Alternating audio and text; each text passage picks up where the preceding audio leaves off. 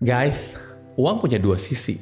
Sisi yang imut, menyenangkan dan dicintai, dan sisi yang galak, menghukum dan dibenci. Karena uang bisa memberikan kita ketakutan yang penuh dengan kontradiksi. Uang bisa buat kita hidup laksana di surga.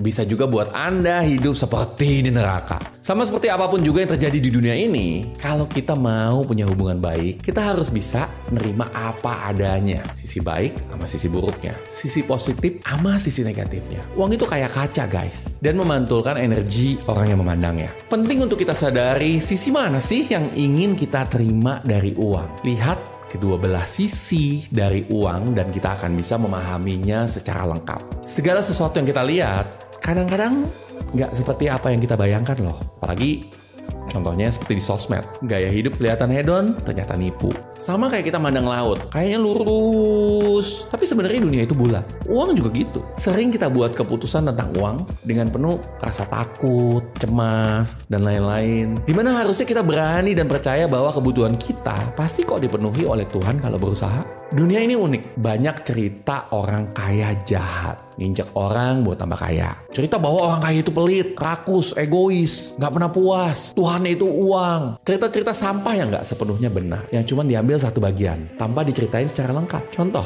mau kasbon padahal utang belum lunas, ditolak yang di ngomongin pelit, bosnya pelit. Bagian utang belum lunas atau kerja nggak beres nggak pernah muncul. Banyak saya ketemu orang sukses punya hati nurani. Arahnya, kalau orang tua kita atau sosok otoritas yang ngomongin hal-hal negatif kayak gini, nancep dan ini membuat kita percaya bahwa uang itu punya hubungan dengan perilaku yang negatif. Dan ujungnya mensabotase kita untuk memiliki lebih banyak uang dan kesuksesan. Hati nurani kita jadi berontak karena diri kita terhubung dengan hal yang negatif. Itulah yang memunculkan kebencian.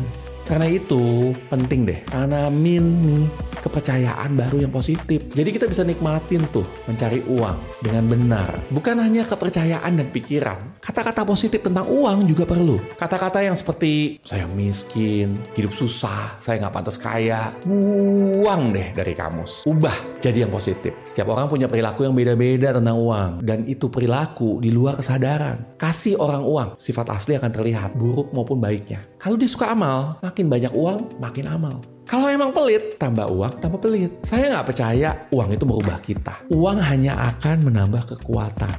Memaksimalkan perilaku kita yang udah ada. Kayak seperti bensin disiram ke api guys. Jadi penting buat kita untuk ngerti tubuh, pikiran, dan jiwa kita. Supaya nggak terpenjara dari penjara yang kita buat sendiri di pikiran kita. So, semoga bermanfaat. Buat Anda yang merasa ini bermanfaat, boleh share, komen, dan juga subscribe ya. Saya Coach Chandra, salam miliarder.